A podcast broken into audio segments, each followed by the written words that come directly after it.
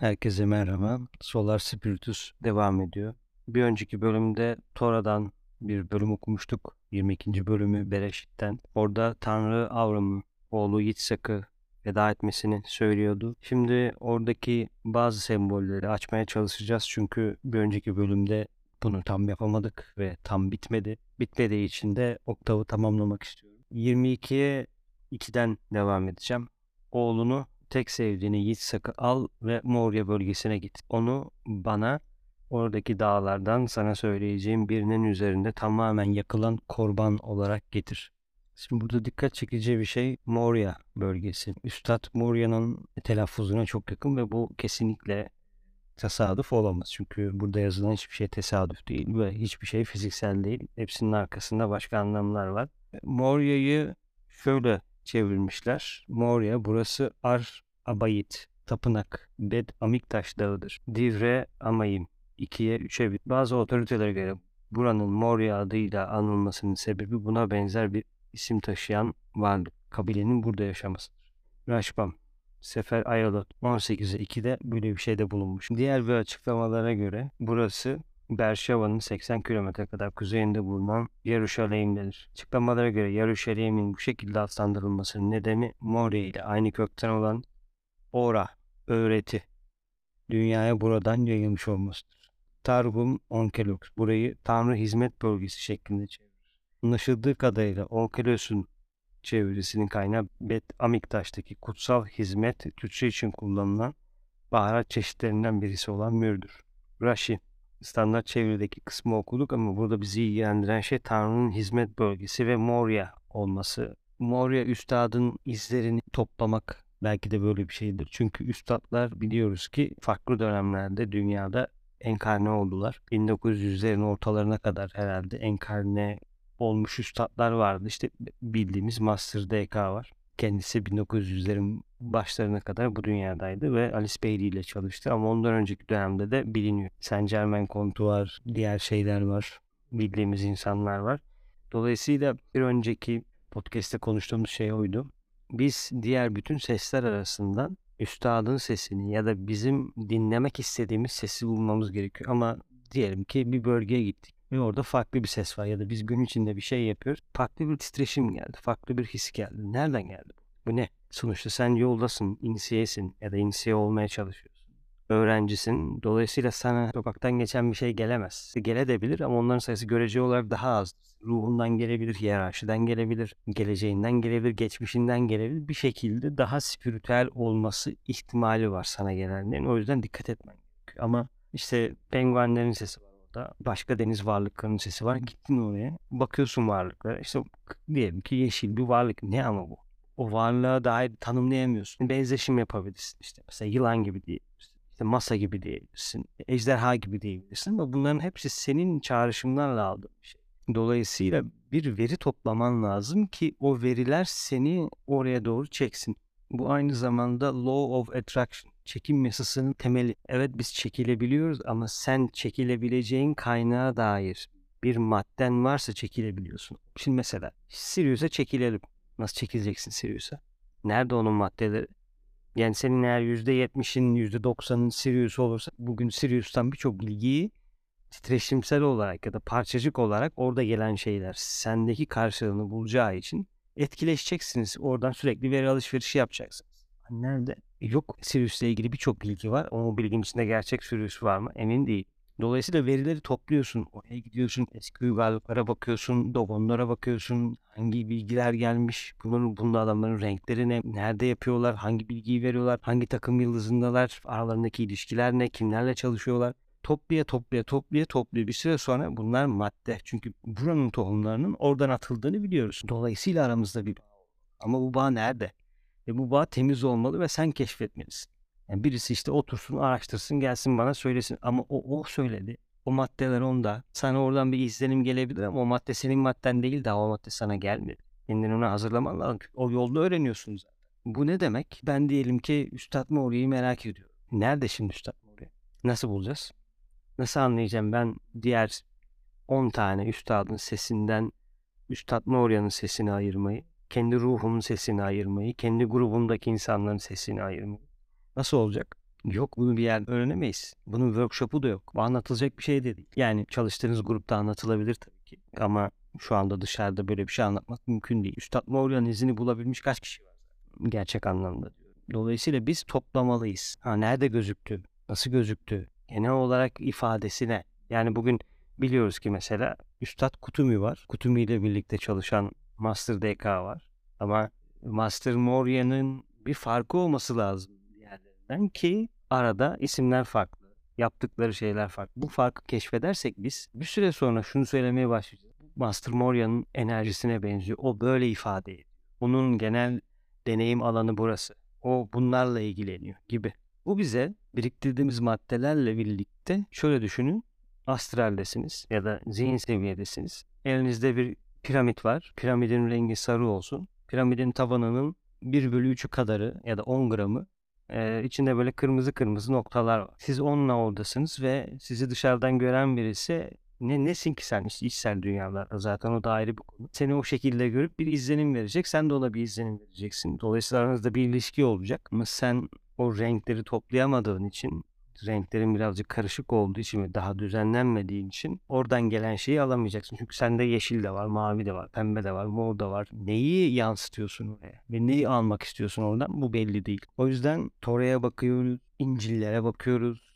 Diğer azizlerin yazdığı İncil'leri okumaya çalışıyoruz her yerde bir iz topluyorsun. Kur'an'ı okuyoruz, üzerine çalışıyoruz, bakıyoruz. Dönüp diğer üstadların, Master Deken'in, Alice Bailey'nin yazdığı kitaplara, Bodo'nun kitaplarına bakıyoruz. Çünkü bu izler bir yerde olmalı. Yani Sirius bizi tohumladı. E ne yaptı? Araya mekanizmalarını koymalı ki o mekanizmalar boyunca akan şeyler bizi geliştirsin. Çünkü bizden sorumlu. İzlemek zorunda bakıyor. Sorumluysa o zaman bizim gelişimimize yönelik şeyleri de vermek durumundadır. Ama nerede bunlar? Yok işte. Yani bugün YouTube'a Sirius yazsak herhalde çok bilgi çıkar ama o mu yani? Birçoğu sol elin bilgilerini içermiyor mu? Fark etmiyor musunuz içerideki bilgiler? Dolayısıyla burada eğer Moria ile ilgili bir şey varsa, Üstad Moria ile ilgili bir şey varsa bunu almalıyız. Üzerine meditasyon yapmalıyız. Çık bir işaret yani burada Moria ile ilgili olması. Zaten Üstad Moria'nın bu toplulukla çok yakın bağı olduğu biliniyor.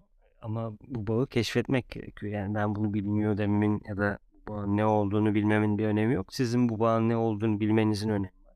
Keşfetmenizin önemi var. Çünkü sen kendi ruhunu keşfedeceksin bu kadar. Benim ruhumun keşfettiği şeylerin doğruluğu olabilir. Eğer gerçekten test ediyorsanız bu söylediğim şeydir ya da söylediğim şeyler üzerine meditasyon yapıyor ya da algılamalarınızı geliştiriyorsanız hissedebilirsiniz söylediğim şeyin kaynağının neresine olduğunu ama o kadar. Onu gidip kendiniz bulmanız gerekiyor. Çünkü bunlar çok büyük sorumluluklar ve yolda inisiye sizseniz ve sizin grubunuz neye çalışıyor sizin bileceğiniz ve sizin ihtiyaçlarınızla alakalı. Şimdi diğer bir konuya geçelim burada. Diğer bir bölüme bakalım. Yakılan korba. Demek ki burada bir ateş var. Yani kurban edilecek olan şeyin ateşle çok yakın bir ilişkisi var. Çünkü şu denmiyor yani kurban et at suya demiyor. Kurban et yak diyor. Ateş ne yapıyor? Zaten inisiyeliğin ateşle çok yakından bir ilgisi var. Değil mi? Su yok, toprak yok, hava yok. Ateş. İnisiye, inisiyasyon, yüksek dünyalar ateşle ilintili. Bu bir defa artık objektif bir bilgi bizim için. Subjektif hale getirebiliyoruz bunu. Ben ateş şeye ait bu bilgiyi alıp kendimle ilgili alanlara ekleyip yorumlarsam bu bilgiyi açarken subjektifleştirebiliyorum. Ama ateş şu anda bizim için bir şey ve bu burada işleniyor. Demek ki ben inisiyasyonla ilgili bir şeyi değerlendirirken ya da inisiyasyonla ilgili bir şey gördüğümde ateş elementinin teş niteliğinin özelliklerini aramalıyım ki oradaki inisiyasyonu görebileyim. Bu bize neyi verecek arkadaşlar? Su nerede kullan? Burada kendi kendimize anahtarları keşfetmeye çalışıyoruz. Çünkü dört elementin anahtarı bizim için bir özellik. Öğrenci için bir özellik. İsa suyu kullanırken İsa'da su var. Burada da ateş var. E şimdi biz havadayız. Bakalım havayla ilgili neler oluyor. Dünyanın çevresinde dönen uydulara bakarsanız herhalde birkaç dakika içinde ağlamaya başlarsınız. İnanılmaz rahatsız edici olduğunu düşünüyorum dünya anası için ve etrafındaki kızları için ve diğer hava varlıkları için uzay çöpü diye bir şey var. Uzayın etrafında sürekli çöp dönüyor. Yani dünya anasının e, ve onun dağıtım sisteminin içinde hava elementini tırnak içinde nasıl kullandığımızı da görüyoruz işte. Tabii ki bunlar gelişimde bize anlam katan şeyler. Yani iletişim çağı içindeyiz. Verileri sürekli oradan başka bir yere aktarıyoruz. Uydulardan bize bilgiler geliyor sonra tekrar bize iniyor. Biz de oradan evet elektromanyetik dalgaları bol bol kullanıyoruz. Bu doğru. İçinde bulunduğumuz dönemin e, özellikleri bunu getirebiliyor. Yani iletişim çağı içindeyiz. Bilgiler paylaşılıyor, internet altyapısı oluşturdu. Bunlar dışsal şeyler. Biz dışsal olarak şu an birbirimizden haberdariz. Asıl aslında içsel olarak birbirimizle daha çok zihinsel bağlantı kurmaya çalışıyoruz. Ama zihinsel olanın bu dünyadaki görünür hali işte internet denilen şey. Bütün bilgisayarların bir API'si var. Kendine has adresi var ve bu adres aracılığıyla dünyadaki diğer hard disklere, diğer bilgisayarlara, diğer adreslere bağlanıyor. Bu ne demek? Bu insan ailesinin yani dördüncü hiyerarşinin oluşturduğu bir ağın fiziksel hali. Şu anda biz birbirimizle bağlı değiliz. Çok benciliz. Daha komşuyu düşünemiyoruz. Komşuyu anlayamıyoruz. Evin içindeki komşuyu bile anlayamıyoruz. Evin içinde sadece sen yaşamıyorsun. Seninle birlikte yaşayan diğer varlıklar var. Yani onlar ne halde acaba? Soruyor musun yani? Sen yemeğini yiyorsun, suyunu içiyorsun, çayını içiyorsun. Onlar ne yapıyor? İçinde bulunduğumuz bencillik ve materyalizme çok fazla dalmış halimiz ve inanılmaz korku bizi network'teki fiziksel network'teki diğer ağlarla, diğer bilgisayarlarla aramızdaki bağlantıyı kaçırıyor. Ama fizikselde bir şeyi inşa ettik bilgi çağının gerekli olarak. Şimdi bunun üzerine artık kova çağının gerekliliği olan ruhsal telepatik bağlantıları geliştirmemiz gerekiyor ki bu da eterik seviyenin gelişmesiyle oluyor. Yavaş yavaş açılıyor ama eterik seviyede çünkü 7. reydeyiz. Yani bu çağın elementi, bir önceki dönemin elementi, bir önceki dönemin elementi bize yoldaki inseyeler olarak kullanıcılar olarak fikir verir, anahtar verir. Burada ateş kullanılmış. Ateş inisiye ile alakalı bir konu. Saflaştıran bir konu. Yakan bir konu. Yükselmek istiyor bir defa doğası gereği. Yani yaktığın an bir şeyler yukarı doğru çıkıyor. Fiziksel olarak da görüyorsun. Dolayısıyla bunun yukarılarla alakası var ve maddeyi yakılabilirlik haline getiriyor. İçindeki ateşi çıkartıyor. İçindeki maddenin ince olan kısmını alıyor uçucu tarafını yani yüksek tarafını diğer tarafını buraya çıkar. İnsan da böyle değil mi? Diyelim ki 70 kilosun bir defa zaten %70'in gidiyor. Su, kemiklerin işte diğerleri ama sende yanan bazı şeyler de var. Ruh gibi ya da daha yüksek parçaların gibi. Çünkü monat deniliyor. Bizim cennetteki babamızın teozofi dilindeki karşılığı monatlar nerede yapılıyor? Bence çok güzel bir soru. Yani monatlar nerede oluyor. Çünkü Kabala'da mesela kapların kırılması denilen. İşte 600 bin parçaya ayrılıyor. Her bir insan bir kıvılcım taşıyor. Kıvılcımların tekrar yukarı çıkarması gerekiyor. O da şöyle bir detay var. İşte herkeste ruh yok. Ruhu edinmek gerekiyor gibi şeyler söyleniyor ama bu bence kendi içinde tutarlı olabilir ama başka öğretilerle ne kadar entegre oluyor emin değilim. Çünkü ruhun yoksa iplerin kesilmesi lazım. İplerde şuşumla denilen ipler. Senin nazi sistemini canlandıran şey pranayı içinde döndüren şeyler yoksa yığılı kalırsın. Dolayısıyla içimizde daha yüksek bir parçanın sürekli dikkati var. Çünkü biz daha yüksek bir yansımasını alıyoruz. Onlar orada meditasyon halinde. Onlar dediğim bizim kolektif halde duran güneş meleği, Solar Angel ya da Sambokokaya çiçeği diye tabir edilen dördüncü hiyerarşisinin olduğu yer. Ama bunlar şu anda bizim için soğuk şeyler bir hissiyatımız var. Evet onların orada bir kolektifliğine dair işte buna planlar deniliyor yine birçok plan dan da bahsediliyor. Spiritüalizmde birçok şey var bununla ilgili. E, neyse ki dönem şu an spiritüalizm gibi bir medyum bağlansın, bilgi yağsın, bize aktarsın değil zaten. O dönem artık dünya onu deneyimledi gitti. Çünkü dünya onu deneyimlerken de aynı şekilde duru görüler de var. Yani ben duru göreyim. Elemental geliyor onunla konuşuyorum. Astrale gidiyorum bakıyorum birilerini görüyorum. Ölenleri görüyorum. Yeni doğacakları görüyorum. Çıkabiliyorsam mental seviyedeki daha yüksek varlıklarla ne yani şimdi? Senin kendi bireyselliğin için tırnak içinde kendi illüzyonun içinde zaten e, fiziksel dünyada mayanın içine bakmış. E, bir de insanlar astral görse bu bencilliğin üzerine ne olacak? Bu kadar bencil bir insanı astral gözlerini açsak astralli açsalı şimdi hiyerarşi bize bam diye ne olacak? Herkesin aurasını görsen, düşüncelerini gidip oraya yapsan, cinselliğin ne seviyede olacağını düşünebiliyor musunuz? Herkes astrali görse şu an ya da eteri görse. Düşündüğün an karşı tarafı bam diye orada alacaksın astralini karşısına. İşte bu büyü zaten. Büyünün başladığı yer. Yani. Kur'an'da bununla ilgili birçok ayet var. İsa'nın kendi sözleri var. Büyücüler oradan cinleri, ifritleri çıkartıyor insan için. Nereden geliyor ifritler ki? Kim yaptı ki o ifrit? Bunu konuşmuyorsun. Onun olası sonuçlarının düzeltilmesini konuşuyor. E bu insanlık yapmadı. Atlantis'te ne oldu? Mısır'da ne oldu? Ne yaptık? Mısır çiçek mi ektik Ne oldu? Bam diye bütün teknoloji, bütün o algılama sanatları, bütün tıp, yüksek yıldızlarla bağlantılar, iletişimler, kral çemberin içindeki inisiyasyonlar, diğer uygarlıklardan gelenler, gidenler ne oldu? Niye pat diye çekildiler gittiler bu dünyadan? Yok oldular, devam ettiremediler. Bir sonraki soyda şok oldu, biz fiziksellik kaldık. Şimdi gelipliklerin üzerindeki taşların işte 800 kilo mu, 1,5 ton mu diye yani olamaz böyle bir şey. Sadece fizikselliğiyle değerlendiriyoruz. Ve bu seviyedeyiz şu. Ne oldu yani? Ne oldu da biz oradan buraya geldik?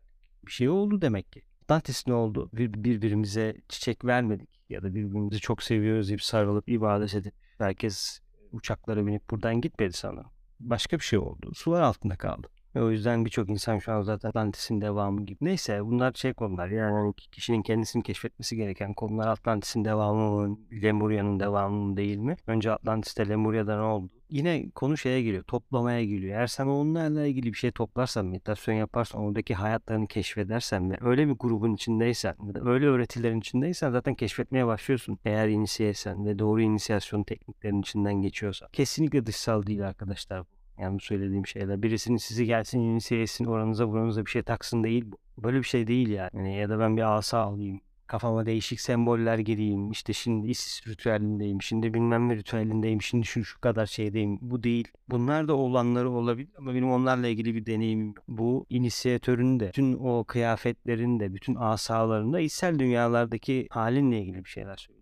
Çünkü içsel dünyalarda neyse olsun yoksa nasıl gideceksin oraya? Önünde bir tane varlık görünce ne yapacaksın? Fizikselde bir şey mi çizeceksin buraya? Koruma pentagramı falan şeyler var. Onlar mı çizeceksin yani? Çember mi çizeceksin fiziksel? Her şey mentalde. E sen astraldeki silahlarını görebiliyorsan astralde asan, kılıcın, zırhın e burada fotoğraf çektirmelik böyle değişik kıyafetler içindeysen o kıyafetleri astralde de taşıyorsundur diye öngörüyorum. Astralde taşıyorsan zaten burada hiçbir şey çizmene gerek yok. Bazen güçlendirici şeyler olabilir tekrar ediyorum. Yani burada da bir şeyler orada da bir şeyler yapman anlamına gelebilir ama ben günlük hayatta diyorum metronun içindesin. Orada yok mu düşük varlıklar? Şimdi bir dakika yere bir şey mi çizeceksin? Ya da dünyanın üzerinde bazı varlıklar gördün. Dünyanın üzerine pentagram mı çizeceksin? Mümkün değil. Başka şeyler oluyor. Onu söylemek istiyorum. İzleri toplamamız gerekiyor ki bir fikir elde edelim, bir zihniyet elde edelim ve kendi içimizde gelişelim. Elementleri görmek, keşfetmek, bunu anlamak bizim için önemli. Çünkü bazı semboller arkasındaki bilgilerle bize kendini açacak.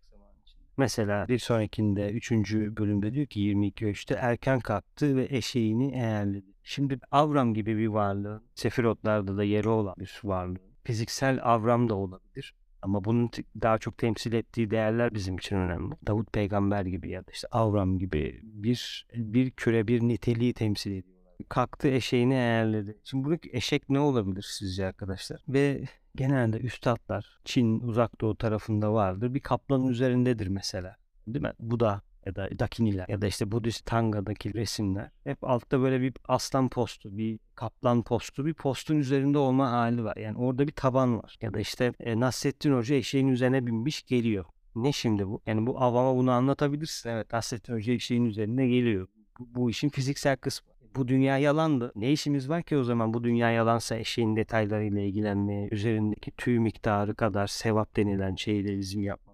Böyle mi oluyor? Bana onun görünmeyendeki karşılığını söyle ki ben onunla bu bu dünya arasında bir bağlantı kurayım. Çünkü bu dünyada yaptığım şeyler de oraya. Ama ben onunla bağ kurmazsam tekrar ediyorum. Ya bugün sürekli on mani padme hum demek gibi. Biliyor musun oradaki bağlantısı? Yani bunun eğer sen mental olarak onun oluşturduğu, o sözün oluşturduğu görüntüyü görmüyorsan ve ona bağlanmıyorsan burada tekrar etsen ne olacak? O zaman dünyada yaratım olurdu. Şimdi o blokları şuradan şuraya kaldırabiliyor muyuz? Lemuria'da olan şeyleri şu an yapabiliyor muyuz ki bizden ne kadar zaman öncesinin varlıklarıyla Atlantis'te olanları yapabiliyor muyuz? Yapamıyoruz çünkü çok fena benciliz. Ve bu bencilliğin üzerine bunlar gelirse felaket olur insanları taciz ederiz. Cinsellik alır başını gider. Büyüler alır başını gider. Şimdi bile zaten büyülerle ilgili birçok sıkıntı. Çok ilginç bir şey. Yani iki insan var. iki tanrısal var. iki ışıklı var birbirine büyü yapması, beddua etmesi. Ya bu inanılmaz bir şey. Nasıl yaparsın ki ya? her yerde dışsallaşmış, avama inmiş bir bilgi. Karma oluşturma, bir şey yapma, zarar verme, yani e, şiddetsizlik içinde ol. İşte İsa öğretmen diyor sol yanağını çevir, yapmayın, verin verilecektir. Yani onlarca şey var. Sen gidiyorsun, ismini yazıyorsun, gezegenlerin ismini yazıyorsun.